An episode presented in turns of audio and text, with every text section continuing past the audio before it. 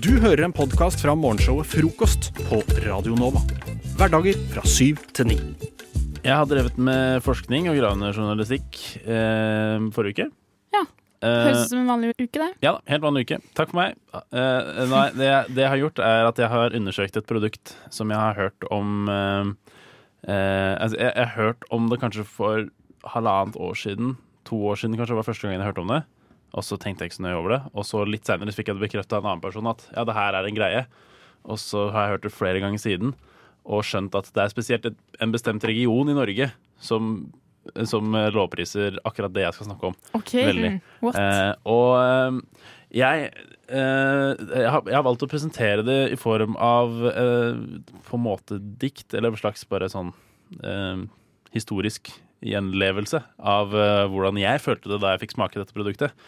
OK. Og så tenker jeg at For jeg har en fasit her, men jeg tenker at dere skal få komme med fasiten på hvordan både hele opplevelsen var, men også smaken av det produktet. Okay. Så jeg skal nå gjengi opplevelsen min av å gå inn i nevnte sted og kjøpe dette produktet og smake det, og så skal dere forklare meg hvordan det smaker, og så skal jeg si om dere har rett eller ikke. Du får okay. vite hva det er. Dere får vite det underveis i, okay. underveis i eh, sammendraget her. Da kan du egentlig bare begynne. Hei, sa jeg. Han svarte med et blikk, men ikke mer. Er det en pakke med ukokte wienerpølser du har bak disken der, eller er du bare glad for å se meg? sa jeg. Det blir din tur snart, sa han. Jeg stilte meg målrettet i kø. Jeg hadde ventet lenge på dette. Dette var dagen jeg skulle finne sannheten. Alle fra sydspissen av Viken fylke lovpriser dette pølse i vaffel. Men er det bare ljug? Vaffelsjappa var stappa, og men det stoppa ikke meg. Dette skulle jeg finne ut av. Fire minutter, sa han. Det var kjapt, sa jeg ikke, men tanken slo meg. Jeg ble mildt sagt, øh, jeg ble mildt sagt overrasket da jeg fikk pappkartongen i hånda og så innholdet. En håndfull sprøstekt løk badet i ketsjup over den sprekkeferdige pølsa. Mens alt sammen mottok en barmhjertig omfavnelse av en litt lys vaffel. Et saftig knekk, knasende løk og deigete ettersmak. Et sammensurium av forskjellige fettsmaker var det som traff meg. Dette var drømmen, har jeg hørt.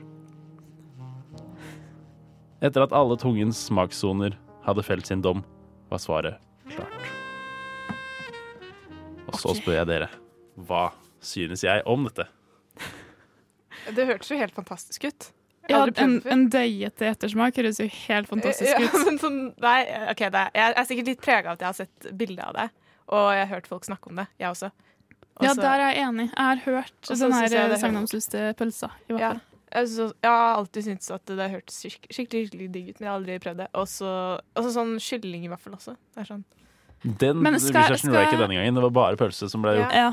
Det, var, Nei, det blir noe annet. Jeg klarer ikke å tenke helt bort til kylling, men pølse i vaffel Altså jeg tenker Hvis jeg skal tenke hvordan jeg tror jeg har syntes det smakte, så tror jeg egentlig at det kunne ha funka.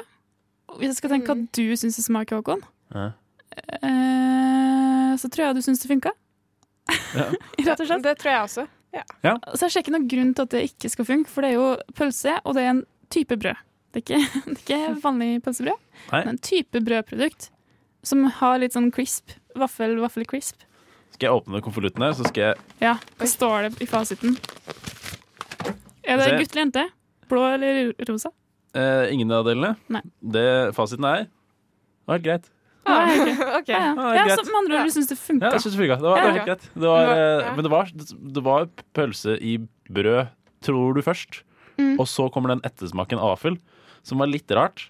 Men det var greit. Men det blir nok brød neste gang.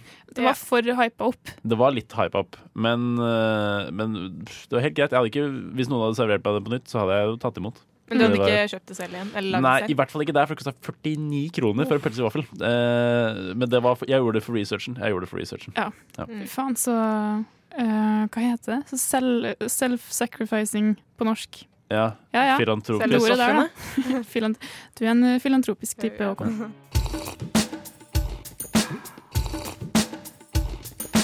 Frokost. Best i øret.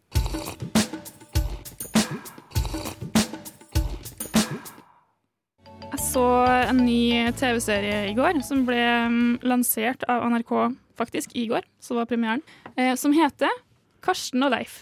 Koselig, ikke sant? Mm, det er litt sånn, det, det føler jeg er litt tilbake til 90-tallet måte å gjøre TV-serie på. Ja, litt tilbake til Karsten og Petra. Karsten og Petra og eh, Magnus og Myggen eh, tidlig 2000-tallet. Magnus og Myggen! Magnus og Myggen. Å, herregud, jeg hadde Følger glemt. det som skyggen. Og Det var bra. ja, alt det greiene der. Nå er det ikke helt i barneta barnetave. Barne-TV-landskapet vi skal. Eh, det er altså Karsten Warholm og Leif eh, Olav Al Alsnes? Alnes? Alnes. Tenk at det har blitt barne-TV nå. Ja, det er ikke barne-TV fortsatt, Håkon. Nei, Det er ikke barne-TV. Men det er altså en serie om dem to, og den der relasjonen eh, man jo gjerne har sett at de har. Um, og jeg blir ikke helt klok på serien, på hva det skal være. Fikk litt sånn inntrykk først av at det skulle være en sånn litt mer lettbeint og hyggelig variant av Team Ingebrigtsen. Ikke at det trenger å være så uhyggelig, men eh, litt mer sånn chill versjon av det. Ja. Men så så jeg første episode, da. Og i første episode så er det ikke bare Karsten og Leif, det er Karsten og Leif og kongen. Eh, hele episoden. Fordi da har de tydeligvis fått lov til å ha et, et, en, en lunsjdate med kongen. Bare sitte og prate med han om løst og fast. Eh, og så tenkte jeg sånn, OK, men da har det jo da har det på en måte gått gjennom en sånn kommunikasjonsperson, jeg vet ikke hva det Ja, heter. ja, ja. Sånne folk som avtaler avtale for kongen. Ja. Eh, eller noe sånt. ja. Eller lignende. Det har de ikke. Nei, Uh, du sendte en melding. ja, Halla, eller, Barald. Eller så bare ring dem. Bare hør på det her, uh, som er noe av det de sier i programmet. Altså, Vi syns det er så fantastisk at du ville, at du ville snakke med oss. Vi har jo, vi snakka om det så mange ganger hvor, hvor Jeg synes privilegert det var like fantastisk at du turte å ringe. Det er ikke mange som tør. Ja, det er ikke det? Må. Har altså Karsten Warholm vært såpass Han har bare plukka opp telefonen og ringt kongen. da. Ah, 1881. Liksom. Ja, ja.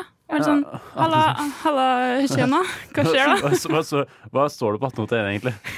Står det Harald Rex, eller står det som Kongen, eller Kong 1? Drammensveien 1.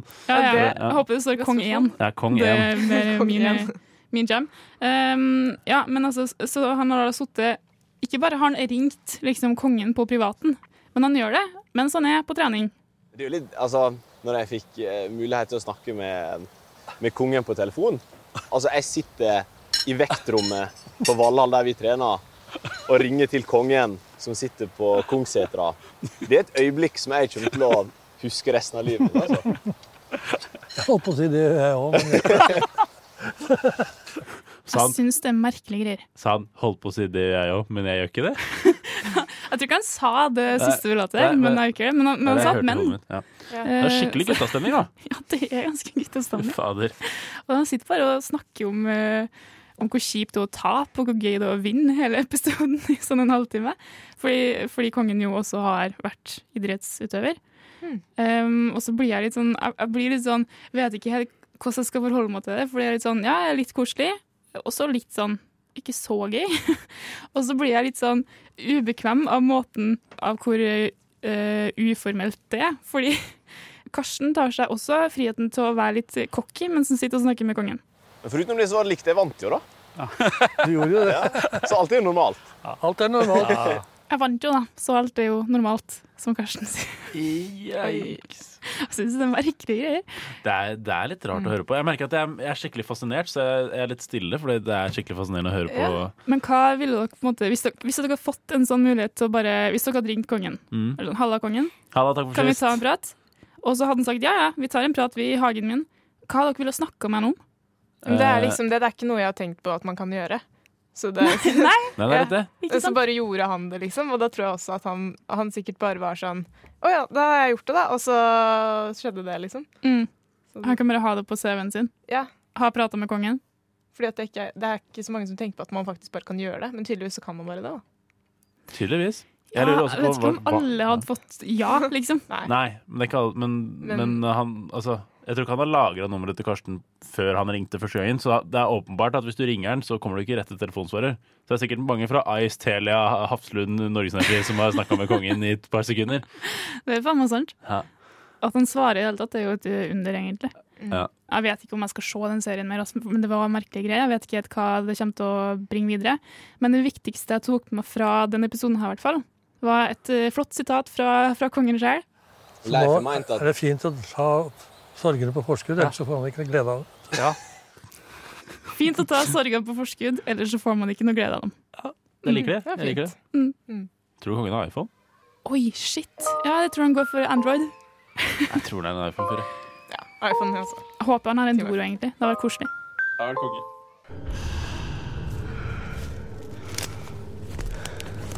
En grein knekker, og jeg fryser til. Hjertet mitt dunker. Hvem der? Det er frokost på Radio Nova. I can think of younger days when I lived for my life was everything a man could want to do. Jeg er veldig spent på hva slags eh, partier vi har fått, og partiprogrammer. Ja, fordi du ga jo oss i oppgave, Sofia, å finne på våre egne partier. Ja, Med- rett og slett. Egne fanesaker. Ja. Så det har jeg og Håkon sittet og gjort de siste minuttene. Yes. Hva, var- hva, hva, hva, hva, hva, hva, hva, hva slags fanesak Kakaopartiet. Eh, var det du lagd partiet for? Nei, jeg har jo lagd partiet for eh, eh, Altså partiet som egentlig tar for seg situasjonen vi er i. Eh, og eh, de er ganske tydelige på hva de vil. Eh, de har kanskje ikke et så langt partiprogram, men de er veldig tydelige på hva de vil. Kvalitet foran kvantitet. Ja, og det er eh, selvfølgelig eh, parti som om det er 2020. Eh, eller episode Ah, 2020, som de også gjør. Så eh, partiet, programmet lyder selvfølgelig Vi er episode 2020. Vi er partiet for deg som er opptatt av å gradvis ikke ta livet av andre mennesker med idioti. Vi eksisterer for regelrytterne, germofobene og for deg som generelt har god hygiene. Vi deler ut vårt partiprogram i Karl Johans gate i morgen til alle med maske og meddrakt sprit. For hendene der, altså. Der kan du lese om hvordan vi skal ta kor eh, korona på alvor. Vi vil gjøre det ulovlig å konsumere alkohol i grupper på mer enn deg selv alene. Uh, og vi skal innføre fotlenkesoning for alle som bryter disse reglene, slik at festen faktisk kan fortsette hjemme via Zoom. Eh, og så skal vi innføre eh, kjerringråd som en del av grunnskoleutdanninga. Og der skal vi da ha, gå gjennom eh, tips til eh, vask, tips til hvordan du kan fjerne flekker, alt sånne ting som man kunne før, men som man tydeligvis har glemt i 2020. Det skal vi gjeninnføre, så folk kanskje får litt bedre hygiene og tar litt bedre vare på seg sjøl. Støttes. Wow. Det er partiprogrammet til eh, episode 2020. Episode. Ja, Partiet partiet som om det er 2020. Mm. Høres, når du sier Sode 2020, så høres det ut som en russebuss. Det skal vi også innføre. Vi skal innføre en egen buss. Eh, så skal reise rundt og vaske hendene til folk. Ja, ja. Litt all som for Jesus it, altså. Eh, all for it. Men uh, mer for mitt parti, selvfølgelig. Um, som da er partiet Hurtigskrittspartiet, forkorta til HUP. Um, som har slagordet 'Ingen saktegåere i våre gater'. Partiprogrammet til Hurtigskrittspartiet er òg at de ønsker å iverksette tiltak for å få gangfartsmåling i hele landet, med størst fokus på de store byene. Eh, Mesteparten av statsbudsjettet skal derfor øremerkes innkjøp av moderne siste generasjons gangfartsmålere fra Kina, bestilt fra Wish, selvfølgelig. Eh, Og det skal innføres en rekke sanksjoner for gangfart under 6,3 km i timen målt på de her gangfartsmålerne. Eh, Blant annet i form av bomavgift. De ønsker derfor ikke å samarbeide med bompengepartiet. Eh, også i form av utdeling av sko til alle som, som går for sakte. En spesiell type sko, riktignok, som har en sånn en device installert på baksida, som slår dem på baksida av leggen for å få dem til å gå fortere. I tillegg så vil man utvises fra fortauene i minimum seks måneder. I tillegg så ønsker Hurtigskrittspartiet at man skal være nødt til å få lappen før man i hele tatt får lov til å bie seg ut på fortauene. Det er hovedessensen i partiprogrammet til HUP. Ingen saktegåere i våre gater. Huppura, eller? Hupp hupp hurra. Hupp, hupp, hurra. Jeg syns, eh, syns 6,3 km i timen er ganske heftig Ja, ja. eh, lave Ja, ja. nederste grense. For øvrig så skal det mm, Jeg har ikke lyst til å lede partiet sjøl, jeg har lyst til å outsource den stillinga. så jeg gir det vervet til Fredrik Røtnes, som ble norgesmester i kappgang i 2017. Mm. Riktignok av totalt fire deltakere. totalt. Men jeg tenker få vet vel mer om, eh, om det å gå kjapt enn han uansett. Ja. Mm. Det er Ja, bra det er du pitcher, da. Og så eh, får vi håpe at det kommer inn på Stortinget. At, eh, ja. Mm. Hvilket av partiene har du mest tro på at kommer inn på Stortinget, Svia? Mm, ja, det er vanskelig å velge. Begge. Politisk korrekt svar. Hey baby, hey, hey beautiful girl. Frokost er best i øret.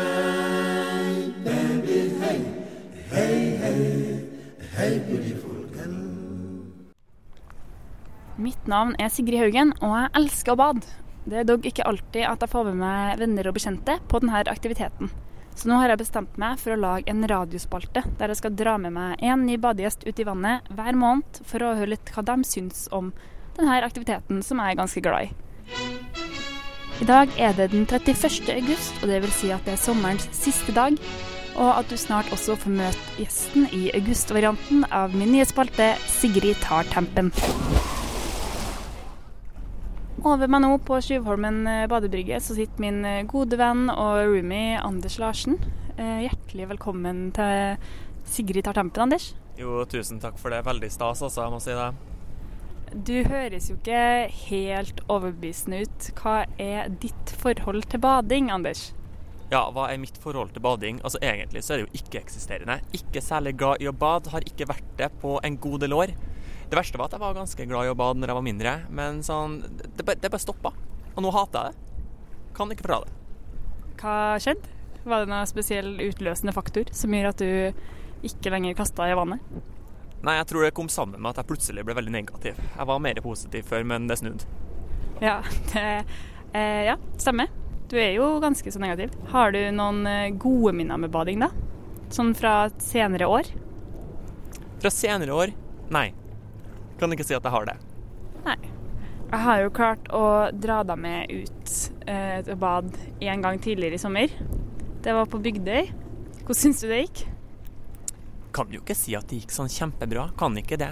Kom opp fra vannet, jeg blødde, jeg var miserabel, jeg var stygg. Niklas Dyrhaug, altså kjekken sjøl, var der sammen med meg, og jeg var ufresh. Ikke veldig artig. Når du sier at han var der sammen med deg, hva, hva legger du i det? Nei, altså, jeg var jo ute i vannet og uffa meg, og så ser jeg meg over skuldra, og ute og plasker med meg en Niklas Dyrhaug som står, eller plasker, og flirer av meg. For meg er det et meget godt minne, men jeg kan jo forstå at eh, for den utsatte part ikke var like gøy. Men eh, i dag da, Anders, ny sjanse for å lage gode bademinner. Hva tenker du om eh, det som står overfor deg? Jeg kan jo ikke si at jeg er kjempepositiv, men hvem vet? Kanskje plutselig så syns jeg at det her er livet. Tviler, men hvem vet? Ikke sant? Og det der er det der lille glimtet av positivitet jeg gjerne vil ha. Fordi jeg er jo under den oppfatning at eh, alle kan overtales. Det går på en måte an å få alle over på min side. Ja, vi får se, da. De sier at mennesker altså sånn, Når du tenker på meninga, blir ganske satt når de fyller 40. Til meg skjedde det tidligere, tror jeg. Så vi får se. Den er grei. Nei, det får gjøre oss klar, da. Det er jo årets siste sommerdag, og sola skinner over uh, Tjuvholmen badeplass. Anders står og uffer seg og slenger klærne sine i bakken. Det vugger litt, Anders. Det er litt bølger i dag. Altså, jeg blir jo sjøsyk av det her i tillegg. Er det mulig? Ikke sant. Du skal få hoppe til først. Vil du hoppe eller gå ned trappa? Nei, jeg hopper. Jeg gidder ikke å gå ut i trappa som en idiot. Nei, det skal du få lov til. Eh, litt overraska, men altså, herlighet. Go for it. When you're ready. Det er fugleavføring her også. Men altså, det var å slå seg løs. Og jeg innser jo at jeg har jo glemt å barbere meg også, så jeg ser jo enda mer ufresh ut enn det jeg hadde gjort hvis jeg var barbert. Søren òg. Nå skjer det. Ja. Ja. Mm. Æsj. Heslig er du òg. Vet du, jeg er ikke fisefin engang, men så du vet jo aldri hva som er i Oslofjorden. Her skal jeg ligge og skvulpe sammen med all driten fra båtene som kjører forbi, og nei. Ja, det speides utover i vannet. Jeg må sjekke om det er noen maneter først. Ingen maneter. Jeg kan være manetvakt her, mens du hopper uti. Det det. Så give me a cue. Ok, greit. Nå. Nå tar jeg meg sammen. Nå tar jeg meg sammen. Ja. Litt fart, eller? Eh, Nei, absolutt ikke. Ja. Ja, nei. Det er grei nøling i eh, ganske kort eh, neonoransje badeshorts her. Det var et spontankjøp i Marbella når andre badeshortsen min datt ned fra verandaen. Jeg vet at den er kort. Nå, okay. ja, okay. nå, nå skjer det faktisk. Én, to Og jeg måler meg for nesa. Én, to, tre. Kjempebra. Den blir litt uti. Svarte, svarte, svarte, svarte. Nei, nå skal jeg ikke være ufin i språket på radio.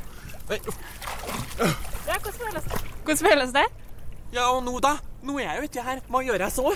Det er jo drit i greiene. Ta et par svømmetak ut mot, ut mot fjorden. Svømmetak, det så idiotiske. Mot hva? Det er jo ingenting her. Bare ut, Det er vann. Ja. Du vet, I svømming på ungdomsskolen så fikk jeg en tilbakemelding. Anders er ingen særlig dyktig svømmer. Punktum. Det var det eneste han gadd å skrive om meg. Åh, nå feirer jeg Flyt litt mer opp med bakkroppen. altså, Ja, hva gjør jeg nå, da? Nå er jeg ute her. Det skjer ingenting. Her er akkurat her er grunnen til at jeg ikke liker bading. Det er helt idiotisk. Enn alt det andre jeg kunne ha gjort istedenfor å ligge her og sulle. Jeg kunne ha sett herskapelig, eksempel, men nei da. Jeg ligger her og flasker sammen med driten ute i Oslofjorden. Men er temperaturen god? For du har vært ute ganske lenge nå. Jeg er imponert. Nei, den er ikke spesielt god. Ja, nå du får lov til å komme opp nå. Hvor eh, varmt eh, og eller kaldt eh, tror du at det er i temperaturen nå? Det har jeg ingen formening om. Og ikke bryr jeg meg heller. Lite gjett, siden spalten heter Sigrid tar tempen. Nei, men 15, da? Vet ikke jeg. Veldig bra. Det er 16 grader. I dag er siste dagen Oslo kommune måler temperaturen i vannet. God sommer.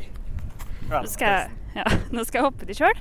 Eh, ser ganske så forfriskende ut, så skal Anders få summe seg litt på land her. Syns det var digg, Anders. Syns du det, Her ser du, Til neste gang så kan vi jobbe litt med svømmeteknikken din. For du har den ikke helt inn. Så det kan vi øve oss på i stua. Så får du bli litt bedre på svømming. Det er det dummeste jeg har hørt. Det trenger jeg ikke. Nei, nei vel. Altså, Jeg tror de er lettere sinnssvake, de som liker det her.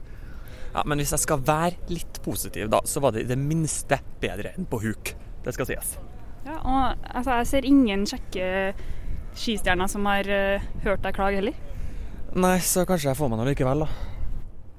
Jeg vil anslå at det er et par minutter siden jeg ble ferdig med å kle på meg, og Anders står fortsatt og prakker på seg buksa som om han har slitt med leddgikt i 17 år på enden av brygga. Og han Det skjelves. Han uttrykte også setningen 'Hvis jeg blotter meg nå, så tror jeg jeg drukner meg'. Og da tenker jo jeg at vi har gjort framskritt, fordi det betyr jo at han vurderer en ny kontakt med vann. Så um, jeg vil si vi har lykkes. Anders er til og med snart kledd på seg og jobber seg bort hit. Har du en kommentar? Hæ? Kommentar? Det var Påkledning og eller bading. Nei, jeg har ingenting mer å si. Nå er jeg misfornøyd. Jeg vil hjem. Altså, hvis folk har så lyst til å ligge og plaske ute i vannet, investere i et badekar. Da får du være i fred. Siste ord fra Anders Larsen. Vi takker for oss her i Sigrid tar tempen og er tilbake neste måned. Podkast. Hæ? Podkast? Hva sier du? Podkast med frokost. Ingen av oss har barn. Uh, Hva vet du om det? Ja, hva vet du om det? uh, You don't nå- know me. Nå vet jeg ikke hvor dere har vært i verden før, uh, men jeg har iallfall ikke barn. Jeg er ganske sikker på at dere to ikke har barn. Eh, og eh, vi er heller ikke amerikansk. Takk Gud for det. Fordi i Am Ameriken, som jeg liker å kalle det, så er det mm, en sånn tradisjon når man når et par er, er gravid, at du skal ha en gender reveal. uh, og dette her det, det er kanskje den styggeste tradisjonen jeg vet om. Vi skal høre et lite klipp fra en gender reveal her, uh, der de skyter en golfball, uh, og så kommer fargen eh, på golfballen, enten blå eller rosa, eh, og indikerer eh, rett og slett kjønnet til den ufødte barnet. Og så står det her mange familier og sånn her. Du skal høre her.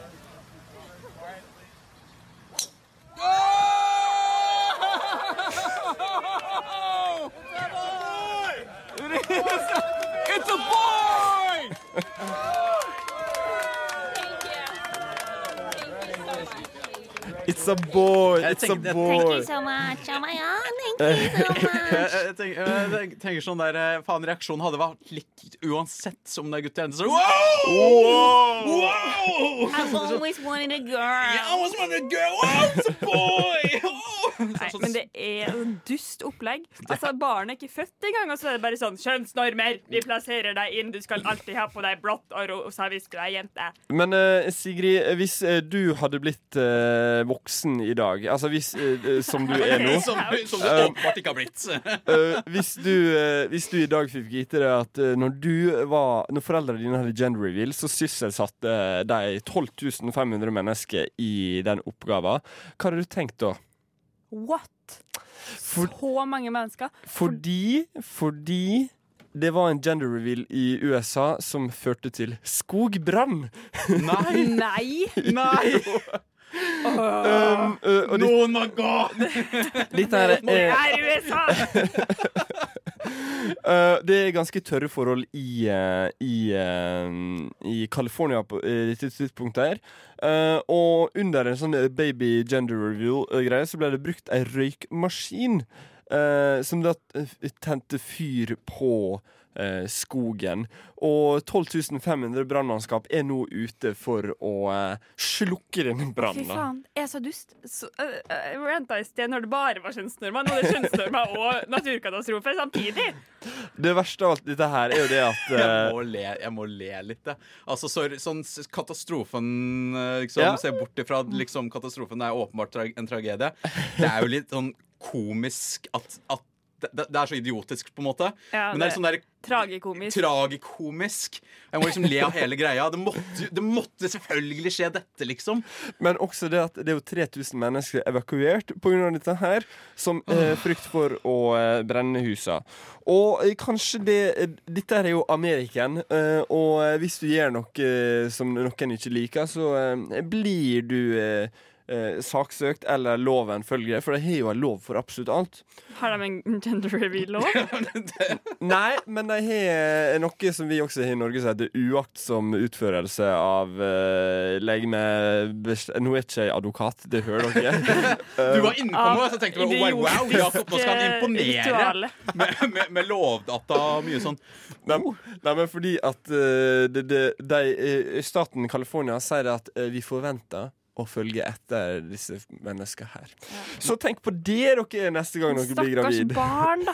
Det er morsomt Altså, det er hvis sånn, den Ja. har ikke blitt født engang, og er allerede ansvarlig for at eh, en hel stat hater foreldrene Tenk om dette her, gender reveal, skulle være den største katastrofen i 2020. Ja, tenk på Wow. Tenk om det blir det. Det har Det er, bra, det er brannfakkel, altså. という時にですねどの国とどの国を指しておられます Du hører en podkast fra morgenshowet Frokost mandag til fredag på Radio Nova. Det er typisk Radio Nova å lage radio, og det er typisk Radio Nova å lage dikt. Um, spesielt frokost, som du hører på akkurat nå. Fordi jeg har utfordra André og Sigrid her til å komme med sine indre følelser. Og eh, i dagens ord er dørhåndtak, eh, som er i rett Ti av ti ord.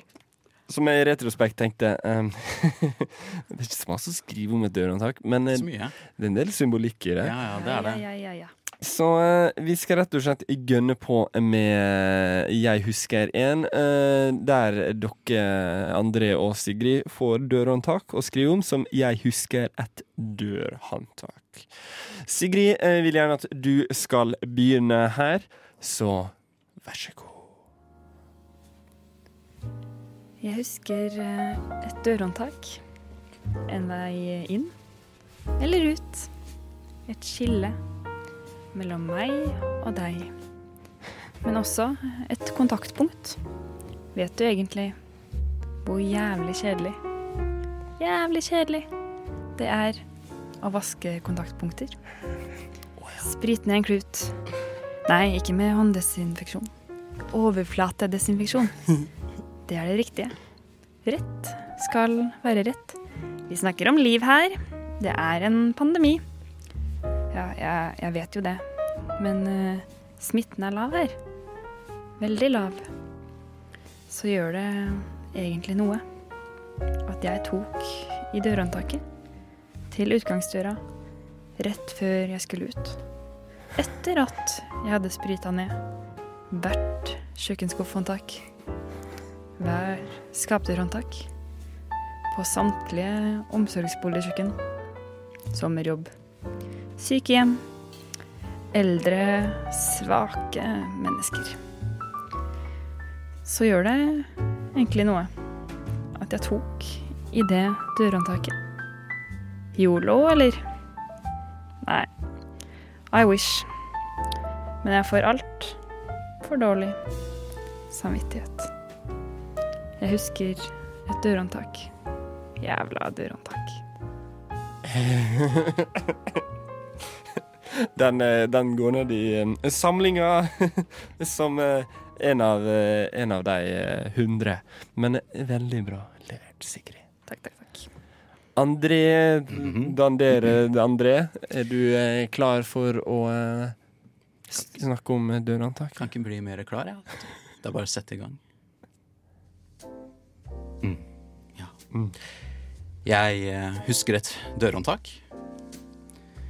En, et, eh, et dørhåndtak på en dør. Døra på hengslene.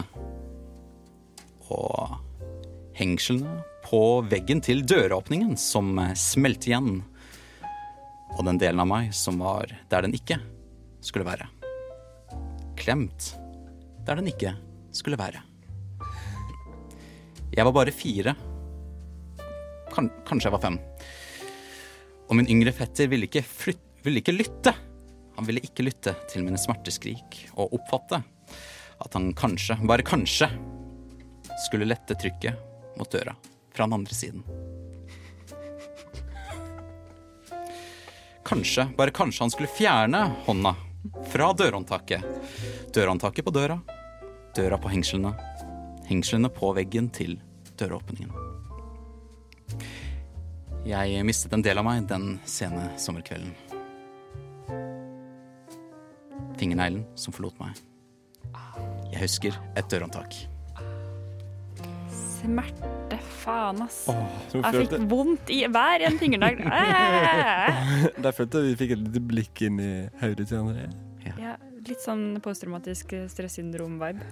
Hver gang han tar et dørhåndtak, så sånn «Æ! Neglen min! Fantomsmerter!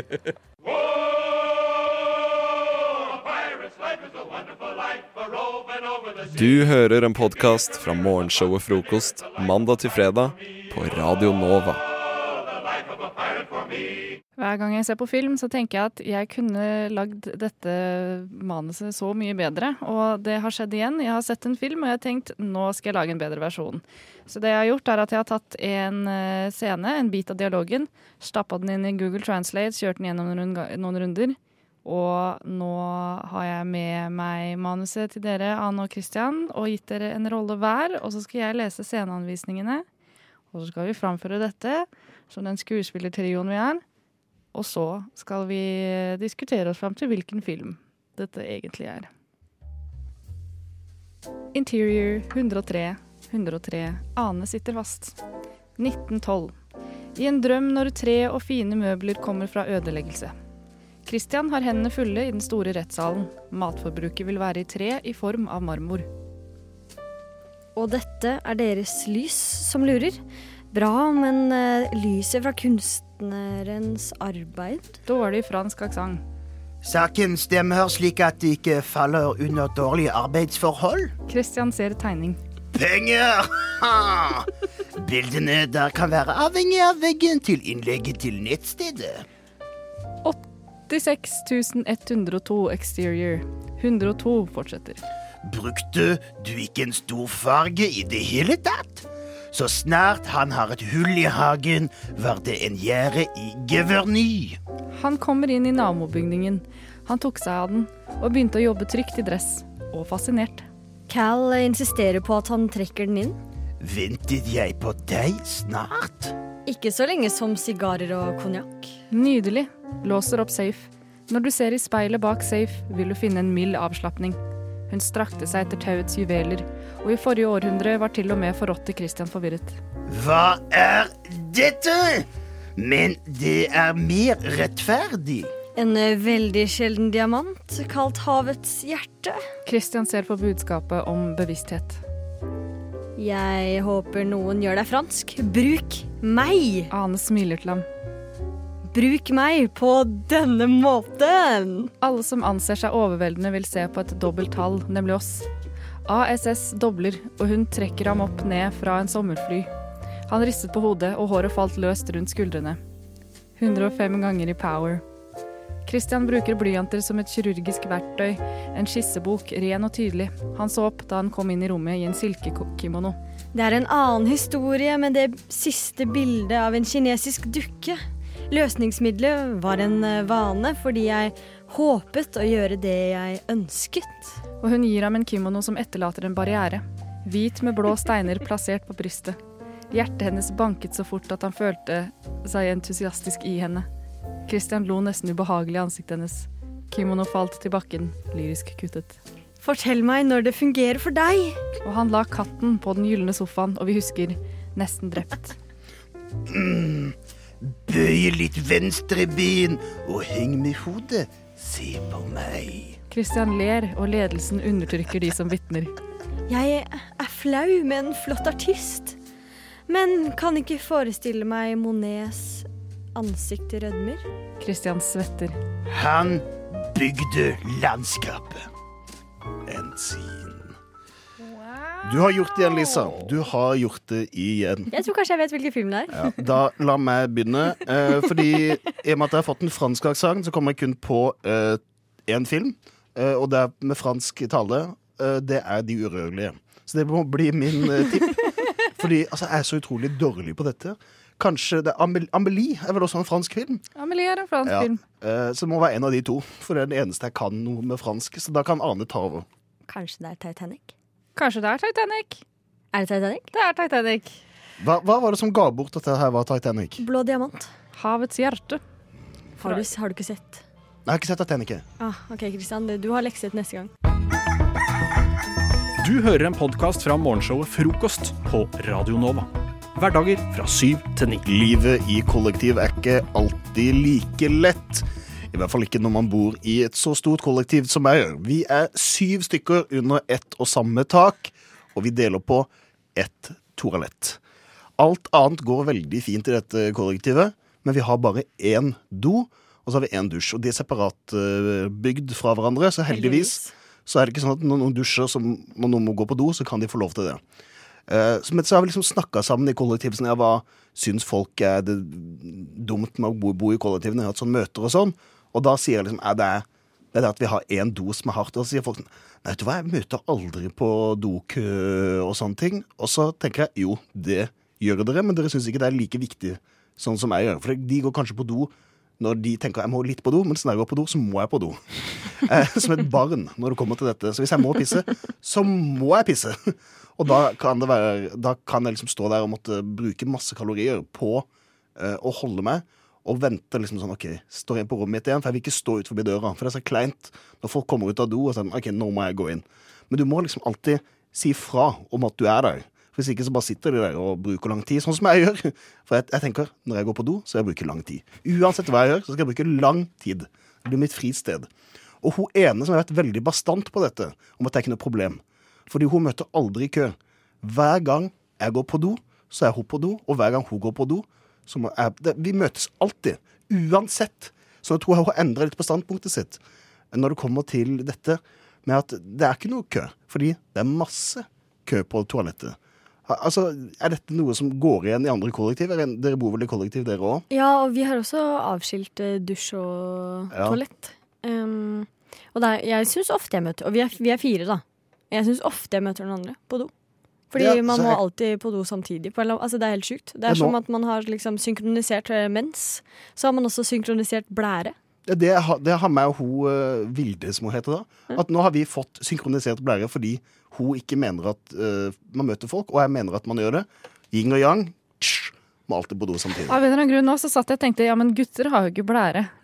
Nei, det har vi Alt ikke. urinet bare samler seg i, I penis. i penis. Ja, det legger seg i penis, Ja. og så går Og da tenkte jeg, da er det ikke rart at når du, må på, når du først må på do, da er det liksom Du kan ikke altså, Da er det nå. Ja, fordi alt urinet ligger jo der klart til eh, åpning. Nei, Dette blir plutselig litt Ja, Eh, jeg skulle si at eh, jeg bor i kollektiv med to stykker. Eh, og vi deler en do med, ba med, med dusj, så hvis noen dusjer, da må du, da må du vente, da. Og eh, for min del så går det helt fint, men eh, i går, eller over i går Ja, i går, før, vi, før du, dere to og jeg skulle ut eh, på, på Out and about on the town and drink a beer, nam-nam, så eh, bæsja jeg på meg på første gang.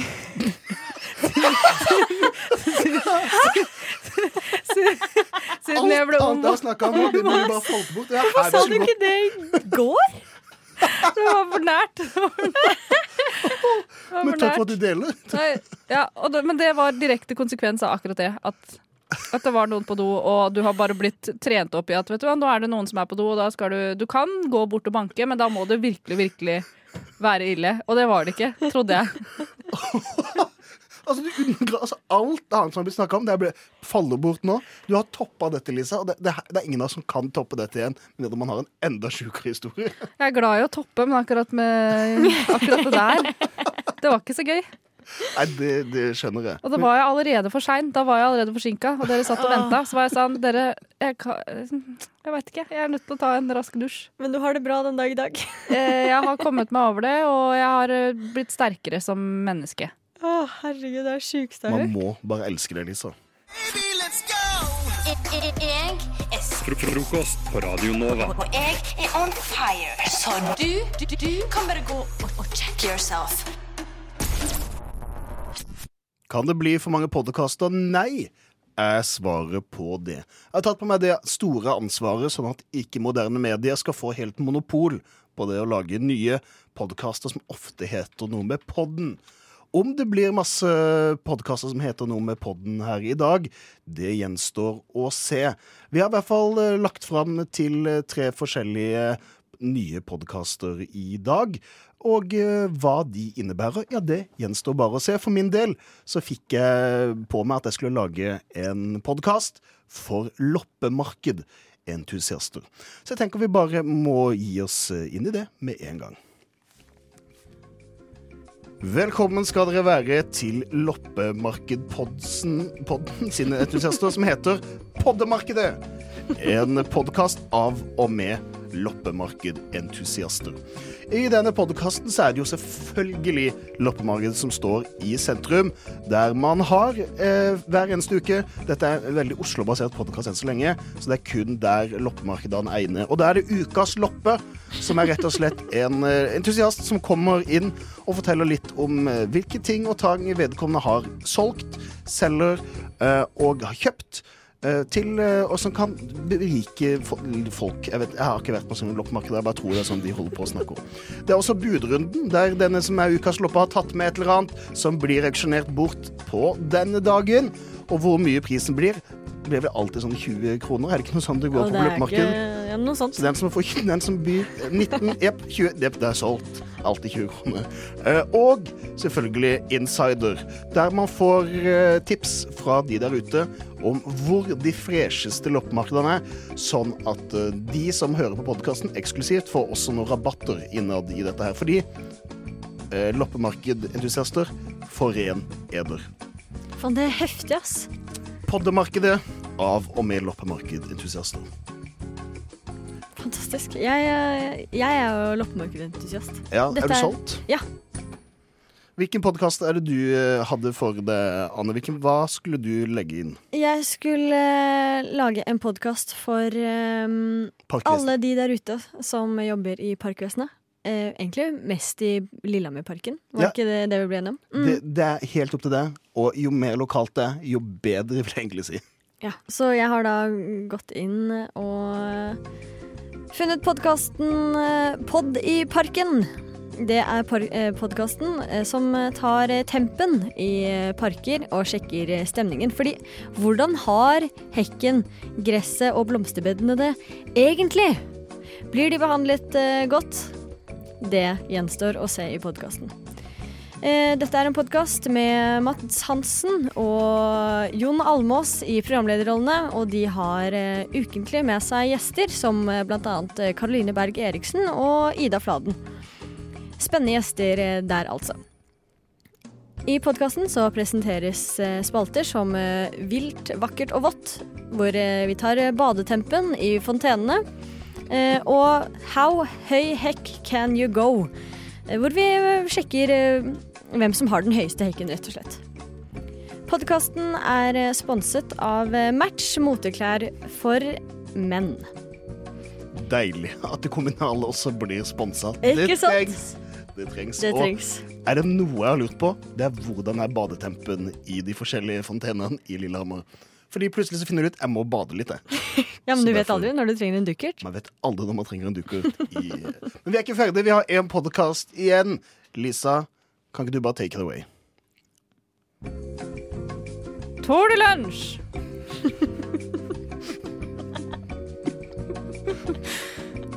Podkasten for Foodora-syklisten. Vi diskuterer taktikk i lunsj-rush-trafikken. Hvem skal man kjøre bak? Motorvei eller fortau? Sykkelfelt? Hvor er det hen? Vet ikke. Vi kårer ukas Foodora-syklist, som får æren av å bære den rosa trøya. Og lyttere kan nominere ukas Kongen av fjellet. Har du spørsmål som hva skal vi spise i dag? Hvor mye skal man tipse? Trenger du tips til åssen smalltalk man kan eh, bedrive med i oppgangen? Vi har alle tipsene klare for deg. Leveres rett fra restauranten, sponset av deg der hjemme med en travel hverdag. Det her er så nydelig. Åh, Tenk på det at alle som sykler med en øh, rosa trøye, de er den beste syklisten. Det er Så jeg genialt, håper de aldri møter hverandre, så de ser at dette er en lure strategi. Justisminister Tor Mikkel Wara har også blitt utsatt for eh, trusler mot ditt hjem. Hvordan oppleves det? Nei, jeg opplever det først og fremst som en trussel mot norsk demokrati. Trussel, trussel, trussel mot norsk demokrati. Norsk demokrati.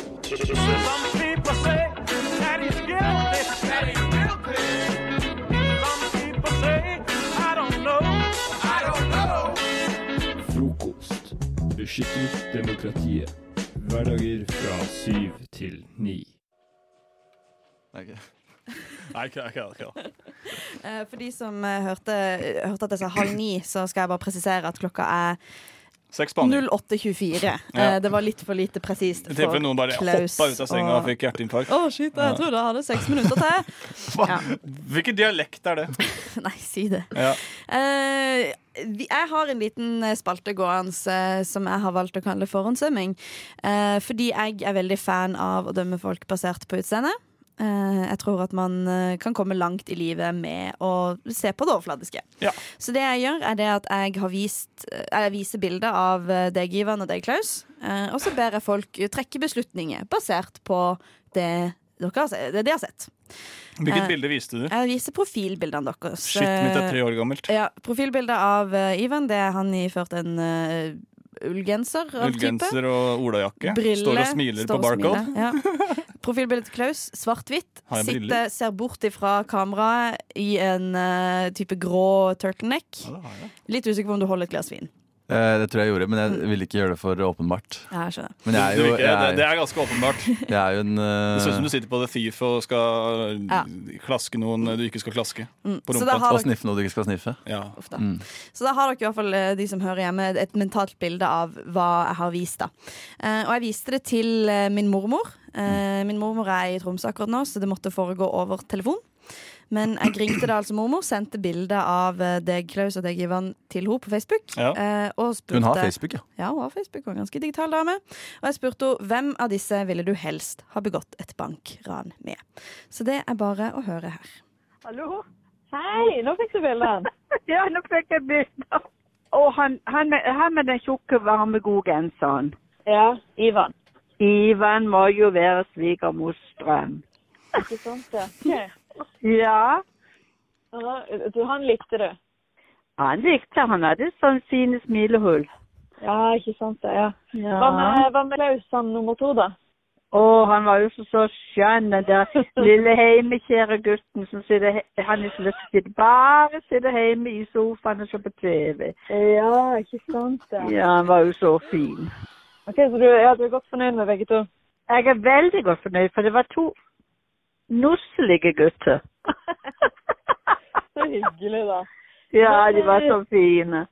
Men du, nå, nå, lurer jeg på, nå som du har sett begge de to Ja. Hvis du skulle rane en bankmormor Ja. hvem av de to der hadde du tatt med deg til å være med og hjelpe dem å rane den banken? Jeg hadde sett han med genseren. Ok, hvorfor det? Fordi han så så uskyldig ut. Ja, Så du tror at folk ikke hadde mistenkt dere? De hadde ikke mistenkt i det hele tatt. Ikke. Nei. Nei. En gammel dame og en søt Og- gutt? Ja, de hadde, de hadde ikke tenkt på at vi kunne rane en bank. Nei, jeg vet. Mens er han andre, syns du han andre så litt mer kriminell ut, da? Eh, ikke kriminell, men han var, ja, var mer sånn alvorlig og kunne tenke mm, mm, Spanne rundt sånn med blikket sitt, ja. Ja, han Så han kunne være litt mer mistenksom, men han, han Ja ja, han kom jo aldri til å rane en bank uansett, men Men eh, hvis, hvis alle hadde gått og rana en bank, deg, Ivan og Klaus, dere tre, Ja, ja. Hvem, tror du, hvem tror du hadde sladra til politiet? Den? Er du, jeg hadde, jeg hadde sladra. Helt sant. Det tror jeg på. Jeg hadde sladra, det hadde ingen av de to andre. Ja, de hadde holdt tett. De holdt sponstett. Ja, de er ikke noen snitches. De er nok så redde for deg. Eh, Antageligvis, ja. ja. Svarer vi svaret? Wow, det der er det beste jeg har hørt på lenge. Ja. Jeg er svigermors drøm, og Klaus er egentlig bare en taper. Ja. Så det her syns jeg var uh... Så Klaus, du har en tendens til å tape disse tingene. Jeg har vært offer for disse, disse dette, er, dette er ikke det første rod- rodeo. Nei. Uh, men husk det, mormor Stølen, at uh, snitches get stitches. Så pass deg for Ivan og meg, altså, fordi vi kan uh, vi slå til hvis hun hvis, Altså, Nei, jeg gjør ikke det, for jeg, jeg er drømmen til svigermor. Men du, ja, du gjør gjerne jeg ser bare morsk ut. Jeg er et spørsmålstegn. Skal slappe henne med turtlenecken din. Ja. Du hører på Radio Nova. Frokost. Hverdager fra syv til ni. Hverdager, hverdager, hverdager, hverdager, hverdager, hver, hver, hverdager fra syv til ni. Frokost. Frokost. Hverdager fra syv til ni. Fest hver morgen.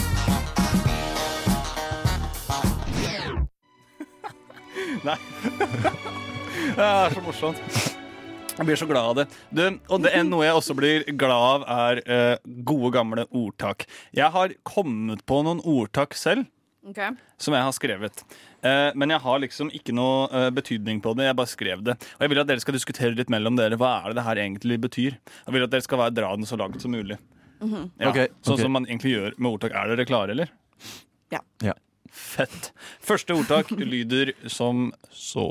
Som så. Som så. Faen, du er så fornøyd med det Ja, jeg er så fornøyd, altså. Det som er rett foran deg, er også det som er lengst bak deg. Ja. Mm. Uh, hvorfor er du fornøyd med den, Ivan? Fordi det er sant. Ja, det er Det sant. som er rett foran deg, er også det som er lengst bak deg. Ja. Ja. Det er faen meg sant. vet. Ja, det er derfor jeg er fornøyd med det, og derfor lo jeg. Mm. Hva var konseptet litt? Jeg blenker litt ut. Bare, skal- bare kom på hva, vi hva betyr det ordtaket? Okay, Vi altså, Jeg vet jo nøyaktig hva du har tenkt når du har lagd det. Uh, og det er jo det at på en måte, hvis du går rundt hele jordkloden, Mhm. så er det jo lengst Ikke fortell meg hva jeg har tenkt. Det er det du har tenkt. Oh, ja. Jeg ser det i øynene dine. Ja, det er det sant, du det har det tenkt. jeg. Men er det et gøy svar? Jeg vet ikke. Det er ikke det. Det er, uh. Det er et ordtak. Det skal bety noe. Ja, du skal unnskyld, si det i en okay. situasjon som skal overbevise folk om at ah, shit, sant. Mm. Eh, det her er jeg så dårlig på. Ja, uh, skal vi se. Ok, det er det som er lengst Ok, nå må vi prøve å tenke. Uh, det er det som er lengst foran deg, som er lengst bak deg. Uh, da tenker jeg at uh, ofte så har vi en tendens til å fokusere så på framtida istedenfor å fokusere på nuet. Og dermed så mister du alt det du egentlig er og kan se fram til, i det å bare se fram til ting. Så det du på en måte, det målet ditt blir òg det du havner lengst unna når du kun fokuserer på målet og ikke reisen. Eller at, eh, du At du Eller? eller at du reiser jorda rundt hver gang du skal tørke deg rumpa. Ja, så det bare er sånn Elastigirl-arm og bare tar den rundt og bare oh, Ja, rett, i, rett i åklet. Det som er at du tar snarveien. For istedenfor å ta den framover og rundt hele jorda, så tar- det du bare hånda bakover. Ja! Ah, ok, jeg likte Ok, Greit. Så det som er rett foran deg, altså det som er lengst bak deg, eh, du, du tar snarveien når du tørker ræva. Du okay. går for den, ja. Ja, men vet du hva, det, Nei, hva, Men hva det, vært? det er bra ordtak, det også. Du Ja, tar ja, ja. snarveien når du tørker deg rumpa. Ja, ja. Det fins mange settinger der du kunne sagt det. Over, over til neste ordtak. Ja. Eh, eh, hvor en måke skal, spør ingen om.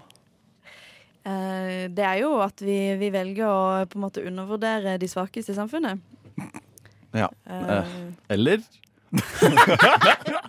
Du ser, du ser en mann som bor på gata, og du vet ikke, det du ikke vet om han, er det at han har en bachelorgrad i økonomi. Så du sammenligner måker og uteliggere? Jeg bare sier at måke er den naturlig lavere stilte. Eller, ja. Hvorfor det? Fordi de er stygge og jævlige. Hvorfor det? Altså Hvis du ser en due og en måke, hvilken liker du best? Nei, det, det, det, det, det, det ordtaket her, det betyr eh, Måker, de bråker. uten, å, uten å prøve å rive her. Ja, det er greit, det er greit, det er greit. Måker- I'll I'll take it. Nei, men hør nå. Hør nå. Ja, okay. Måker bråker. Ja. Det gjør også eh, Og de er ofte i, i, i gjenger. Og de er ofte sultne. Det er ofte også guttegjenger etter fylla. Okay. Og du spør aldri Du spør aldri en guttegjeng etter fylla hvor de skal. For de skal du holde deg så langt unna som mulig. Det er faen meg sant. Mm.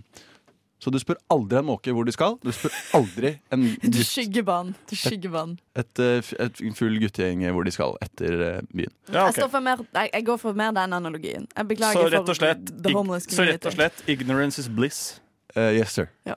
Yes, sir. Ok, Siste uh, ordtak. Uh, man trer ikke foten i en annen manns hatt.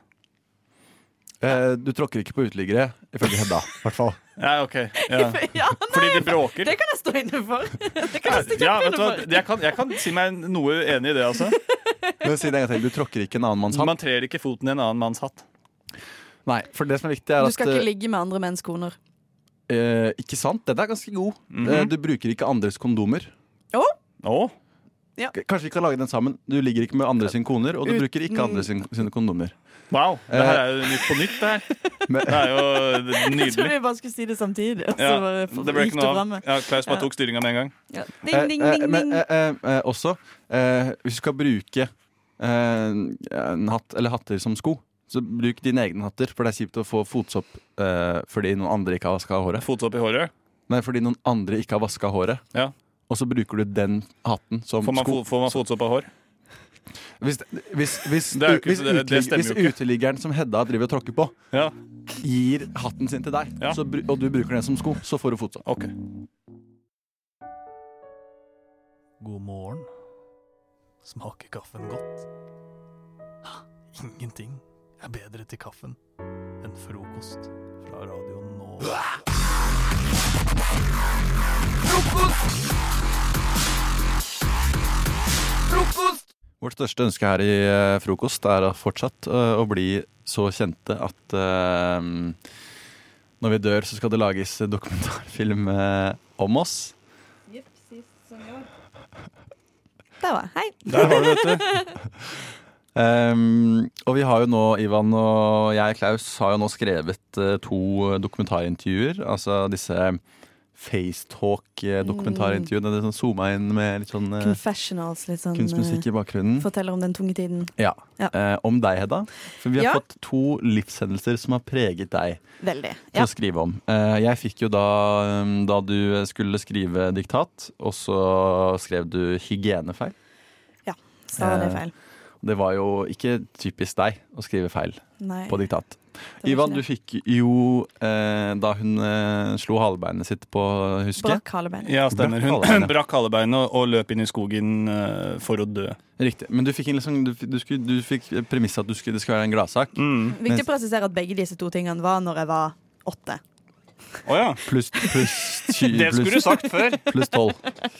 Ja, ok. Men jeg fikk altså da i oppgave å skrive en trist fortelling om da du klarte å skrive hygienefeil. Så vi kan egentlig bare begynne rett på den, vi. Ja.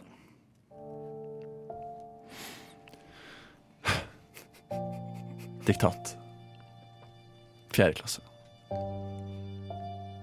Jeg satt ved siden av Hedda den dagen. Den dagen alt gikk galt. Hus. HUS. Mus. MUS. Fredspris. Litt vanskeligere, men den gikk, den òg. Men så En ting Hedda aldri hadde hørt om. Hygiene. Jeg så svettedråpene til Hedda treffe bordet raskere enn regnet regn i Amazonas i juni. Pusten gikk eh, fort. Og jeg hørte Hedda si til, seg selv at eh, det her kom ikke til å gå. H. Y. G. E. N-E. Og med det var det gjort. Hedda gjorde sin første feil på en diktat noensinne. Ingenting var verre for Hedda. Og Hedda stormet ut av klasserommet. Døra smalt igjen etter henne, og etter det vi henne aldri igjen. Det eneste vi kunne gjøre for å minne henne, var å ta et godt åndedrag i klasserommet i ny og ne. Hennes lukt satt fortsatt igjen i veggene til klasserommet.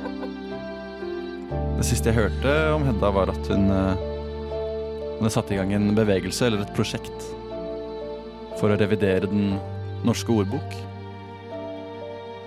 Men uh, hygiene, det vil alltid staves H, Y, G, I, E, N, E. Faen, den, eh, den satt inni Den satt godt inni hjertet mitt, altså. Ja, ble du lei deg? Det var jo sånn det skjedde. Jeg, jeg tenker, altså helt sant, helt ærlig, hver gang jeg ser ordet hygiene, så får jeg et lite stikk i hjertet. Ja, ikke sant? Ja. Så nå Så har du altså, hvordan, hvordan går det med det prosjektet ditt om å få revidert eh, ordboka? Jeg synes jo, Du sier jo hygiene, du sier ikke hygiene. Nei. Nei. Men det, det var ikke det jeg spurte om. Språkrådet svarer ikke på noen av mailsene mine. Nei, Du får ikke noe svar, nei. nei, Så har ikke kommet så mye lenger enn siden fjerde klasse. Nei. ikke det, altså. nei. Men nå ble det for trist her i studio. Ja, det ble det ble det. for dårlig stemning. Så da håper jeg at uh, du, uh, Ivan, kan fortelle Ja, Cheer up litt, eh, stemmer det, det? er en, det er en glad historie, men jeg kommer til å fremføre den som en dokumentar. Ja. En sånn skikkelig amerikansk dokumentar. Så bra. Å ja, såpass, ja. ja det, OK, det, ok. jeg får prøve. Jeg hadde sett på Hedda lenge. Hun var alltid ved huskestativet. Hun var bestemt på å bli god. Jeg husker godt at alle barna sto ved huskestativet og så beundrende på barneskolens svevende svane. Hedda var aldri redd. Hun trosset menneskets behagelige tilværelse på bakken. Hun jaktet på suset. Hun jaktet rett og slett på Gud. Hun var skolegårdens helt. Men en helt defineres ikke alltid av ens gjerninger. En helt, vet du, den defineres av hvor mange ganger de reiser seg etter de faller. Jeg så på Hedda imponere barna, og alt var som før. Vi lo og vi klappet. Vi gråt av glede. Vi beundret. Men noe var galt. Hun hadde ikke den vanlige selvsikkerheten i beina som før. Jeg hørte et knak, etterfulgt av en gråtende Hedda. Hun hadde knekt halebeinet, men hun nektet å vise svakhet. Som jeg beundret den jenta den dagen. Hun løp gråtende ut i skogen. Hun nektet å vise at hun hadde feilet. Men Hedda lærte noe den dagen. Jeg fulgte etter Hedda inn i skogen for å se hva hun holdt på med. Og der satt hun. Hun og Lars Monsen. Lars Monsen han var klar for å vente på Hedda, for han visste at den dagen her, den ville komme. Han lærte henne hvordan man overlever i skogen, og hun er nå den barskeste skogsjenta jeg kjenner. Og det er derfor vi sitter her og snakker om henne den dag i dag. Denne dagen var en milepæl for norsk kvinnekamp. Du tror det kanskje ikke, men det er sant. Hedda ble etter dette den mest selvsikre kvinnen som aldri var redd for å falle. Hun er den usikre jentas fyrtårn. Tror kanskje jeg overdriver? Her er historien om hvordan Hedda bodde i skogen selvstendig 15 år, før hun returnerte som Norges symbol på styrke. Wow. Wow. Perfekt. Det er akkurat det som skjedde. Ja. Ja. Ja. Det, Guest starring, eller starring guest eh, Lars Monsen? han bare satt, han bare satt som en sånn gammel mann på en Ja, stubbe. ja, men ikke sant Han, han sitter der med sånn kontorstol i skogen, og så bare snur han seg mens han pjusker på en katt, og så bare Jeg har venta på det. Jeg har venta på det. Men der hvor, det er alle steder der hvor eh, en liten jente som har knekt halvbeinet, trenger litt trøst. Så her sitter Lars Monsen ute i skogen Da sitter venter Lars på det. Ja. Nede i Farsund den dagen Funker som der, bare rakkeren. Ja, funker som bare i råke. Det går så det suser.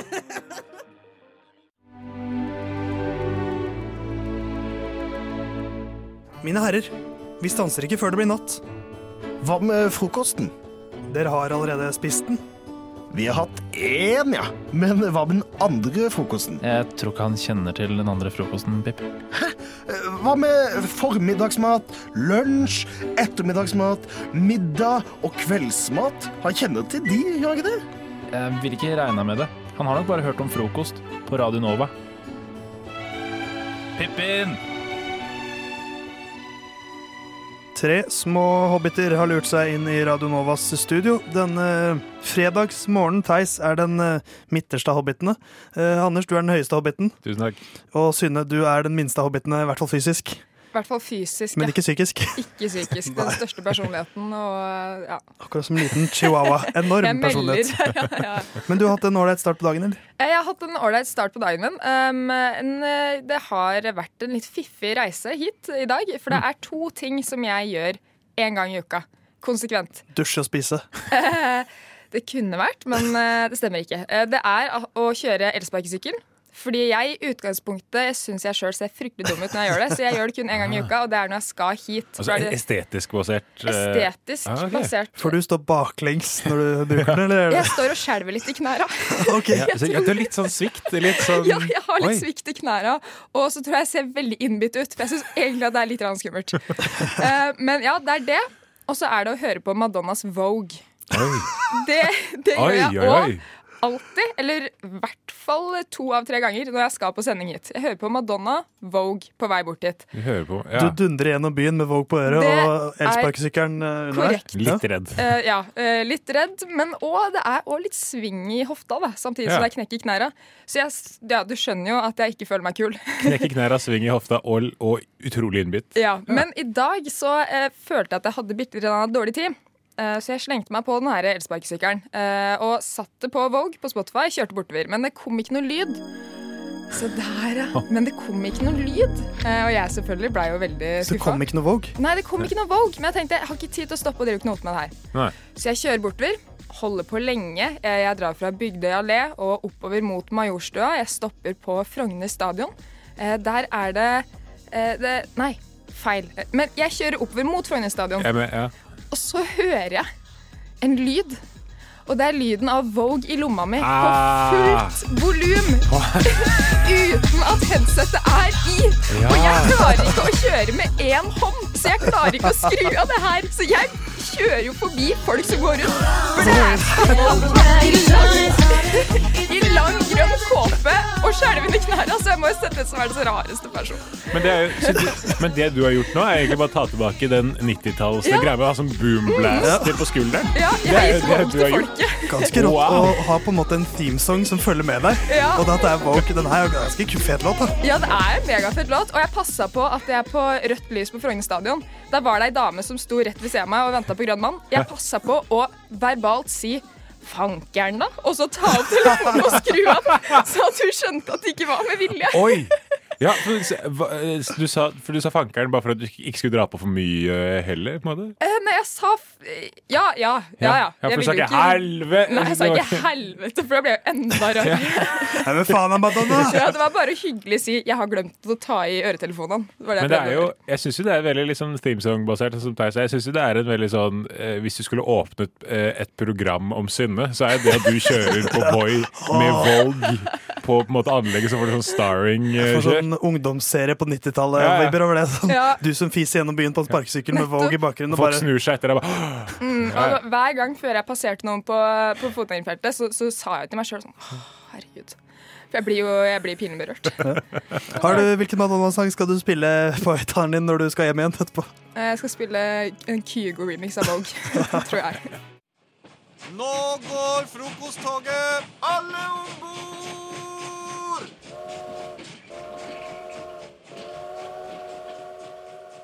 Jeg håper du der hjemme har fyrt i gang kaffepressa, som jeg pleier å si. Eh, For nå skal vi inn i kaffens vidunderlige verden. For jeg antar at dere, Theis og Synne, som meg kanskje, eh, benytter dere av Nespresso. Gjør dere det?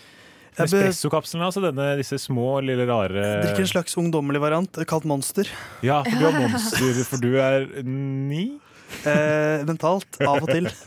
Men, men Nespresso, det er de små kapslene. Ja, de, de, de, er, de små, litt sånne, så- sånne små, runde hva, Det ser ut som sånne ja, Hva ser det ut som? Ser ut som patroner. Ja, patron, skulle, skulle lade en, jeg lade en hagle med morgenstemning. Så ville jeg ladet Ja, den nei, med Familien har slik maskin eh, Ja. hjemme. Og da har du et, for det, det som er med Nespresso er at Og det, det, det kuleste med Nespresso er at de har gått for en sånn De har tatt et produkt som i utgangspunktet er eh, ganske dølt, som er på en måte instant-kaffe, som egentlig er det det er. Og så har de gjort det ut, altså cranka opp eksotisk nivået, altså til et nivå som er altså ikke ligner grisen. Og det jeg tenkte dere skal gjøre, er at dere skal, nå skal jeg lese noen beskrivelser som de har av sin egen kaffe. Eh, og så skal dere etterpå få lov til å lage deres egen variant, som kunne gått som en Nespresso-kaffe. Og jeg skal lese noen eksempler nå. Eh, for eksempel eh, En Vivio Lungo stimulerer sansene med sin intense og sjenerøse karakter. Denne mørkbrente kaffen er en blanding av en særpreget arabica fra India med en robusta fra Mexico som gir brente undertoner og rike dufter av aromatisk tre og pepperkake. Så enkelt kan du gjøre. Eller du kan gå på eh, eksempel Master Origin Colombia. Med Late Harvest bruker kun vasket colombisk arabica som gror i høyden. Ikke sant? Og dette, dette her er, dette gjengår absolutt alle sammen. Har du en til? Eh, jeg har en til. Eh, vi kan eksempel ta Så deilig å høre på. Jeg blir var så nemlig- Jeg er helt Master Origin Indonesia er en wet-held arabica i et kappløp mot regnet. Bøndene fra Sumatra gjennomfører en wet-hulling-prosess på kaffebønnene ettersom klimaet rundt dem er særdeles fuktig. Og dette her Nå blir du headhunta. ja, ja. du Nå, headhunta nå, nå ringer Nespresso her, faktisk. Så Ja. jeg setter på hold. Men, men greia er at um, jeg har funnet, det, er liksom, det er to retninger du kan gå. Enten så må du gå på uh, italiensk, altså du må finne et, et italiensk navn. Eller så må du finne deg et land og uh, et eller annet sånn eh, intenso uh, Algerie. altså et eller annet Intenso Algerie, det er Ja. min. Ja, men, et, et, altså, du må, enten går du for noe eh, piprabapra-bapre, eller så går du for Beklager til alle italienere. men- Fortese lungo. ja, jo, men ikke sant, ja, sånn. Eller så går du for et land og et, et generisk ord. Eh, og så en fin, Gjerne trekke inn noe teknikk rundt hvordan de har Hvordan det er laget og sånt. Hvordan har du fått opp kaffen, og hva slags kaffe er det? Jeg gleder meg veldig til å høre. Morgen. Frokost. Er er dere klare? Har dere funnet noe som kan funke? Ja, jeg har funnet noe som kan eh, funke. Jeg trodde jeg hadde to låter, men eh, vi hadde én. Så da, da speedrunna vi det. Nei, men Da tenker jeg egentlig vi bare løper i gang hele saken. jeg, Med, hvis Synne vil begynne, f.eks. Ja, det vil jeg jo selvfølgelig. Ja.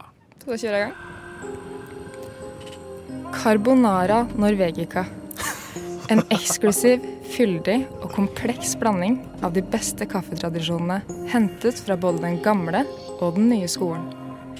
Italiensk arv i form av kaffebønner gjødslet med den fineste parmesan, kombinert med noter fra gudbrandsdalsost, fører til en unik opplevelse som du kun kan kjøpe hos espresso.no skråstrek carbonara punktum norvegica skråstrek. Det er, eh, det er vakkert. Jeg, jeg, altså jeg som ikke drikker kaffe. Ja, Jeg jeg, synes dette, dette synes jeg var veldig, veldig, veldig bra. Jeg, fikk, eh, jeg trenger flere ostebaserte kaffesmaker. Ja, det er ikke nok litt, av det, altså. Den nye skolen må, må steppe opp, Ja, rett og slett. Hva har du, eh, Theis? Jeg har følgende. Mosambik Black Mamba. En kaffe med sting fra de grønne åsene i Mosambik, som vekker ditt indre rovdyr. Inspirert av lokalbefolkningen fortæres Sumatra-bønner av de sorte mambaslangene. Resultatet? En annerledes espresso med hint av kanel, gummi, kondom, mynte og rovdyr. Passer perfekt før du, før du skal sette ny rekord på Birken. Vekk ditt indre Apex Predator med Mosambik Black Mamba. Det var min kaffe. Ja, jeg satt og tenkte på hvordan er på en måte eh, ettersmaken av mynte og kondom, og så sluttet jeg å tenke på det. Ja, ikke sant? men, eh, men så, ja, for det, og dere har jo gått, gått for Du gikk for en ren liksom sånn espresso landvariant. Du gikk for mer en, en fusion mellom det italienske og det, og det landbaserte, som jeg også likte veldig godt. Ja. Så her bør noen i espresso være på ball. Dette lukter limited editions. Oi, er du her? Jeg vet ikke hva du lette etter, men jeg tror ikke det var her du skulle. Hvis du scroller nedover siden, så finner du helt sikkert Frokost på Radio Nova.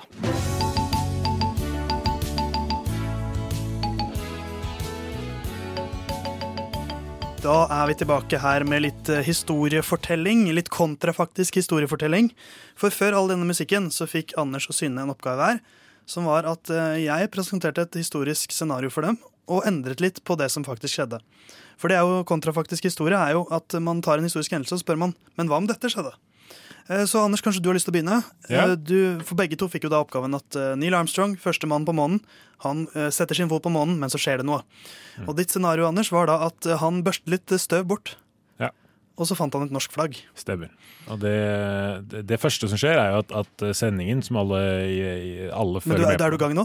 Unnskyld, ja. Ja, for du skal få litt, du skal få litt lyd under. Jeg er så utrolig som, klar. Som skap, setter mer historisk setting. Eh, Og når, når Neil er ferdig med å snakke, så kan du begynne å fortelle. That's one small step for man, one giant leap for mankind. Og det som skjer er at han da børster vekk litt sand, finner dette norske flagget, og eh, han ser mot eh, kamera, og alt eh, går i svart. For Houston har gitt beskjed til, til produsent om at dette, nå kutter vi sendingen, kutt sendingen, kutt sendingen. Eh, Og Houston går da til sin standby-telefon, som de alltid har i kontakt med Fram-museet. Eh, For det som skjer er at de, de tar kontakt med Fram-museet, dette legges litt på is. Eh, Neil og Buss og de, alle de andre drar tilbake til jorda. Eh, Og man finner ut ved nærmere eh, forskningsprosjekter at Fram er polstret til å tåle både eh, stråling og kulde i verdensrommet. Eh, Du finner også en del suspekte dykkerdrakker som er polstret på en annen måte enn det du trodde. Eh, Du vet disse gamle 20-tallsdraktene med sånn lite glassvindu foran. Eh, De er, eh, de er med. Og etter hvert så kommer det også fram dokumenter som viser at eh, Amundsen og Scott sin ekspedisjon til Sydpolen var et skalkeskjul for å kolonisere månen allerede i 1911.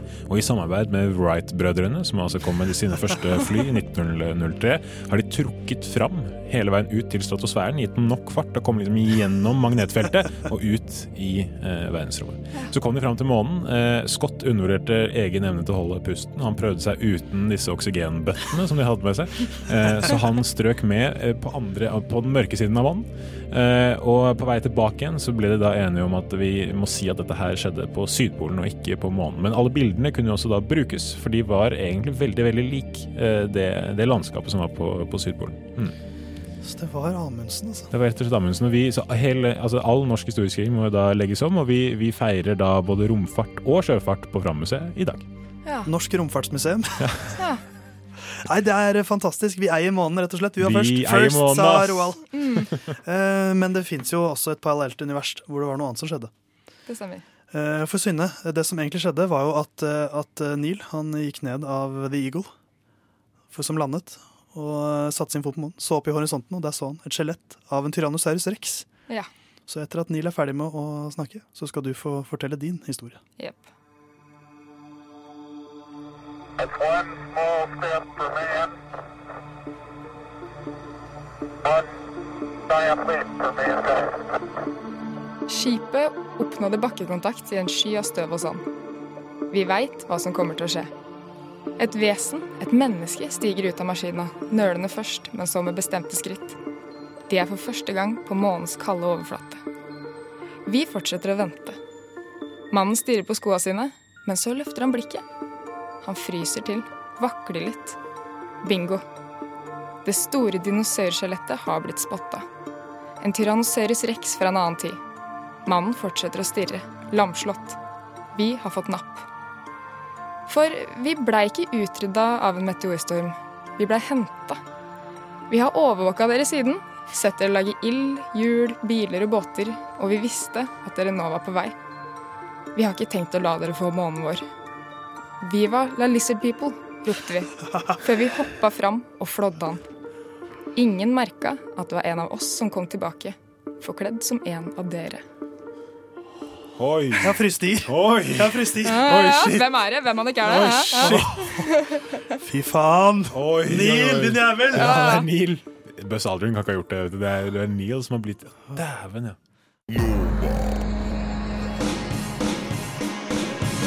Du har hørt en podkast fra Radio Nova. Likte du det du hørte? Du finner flere podkaster i iTunes og på våre hjemmesider radionova.no.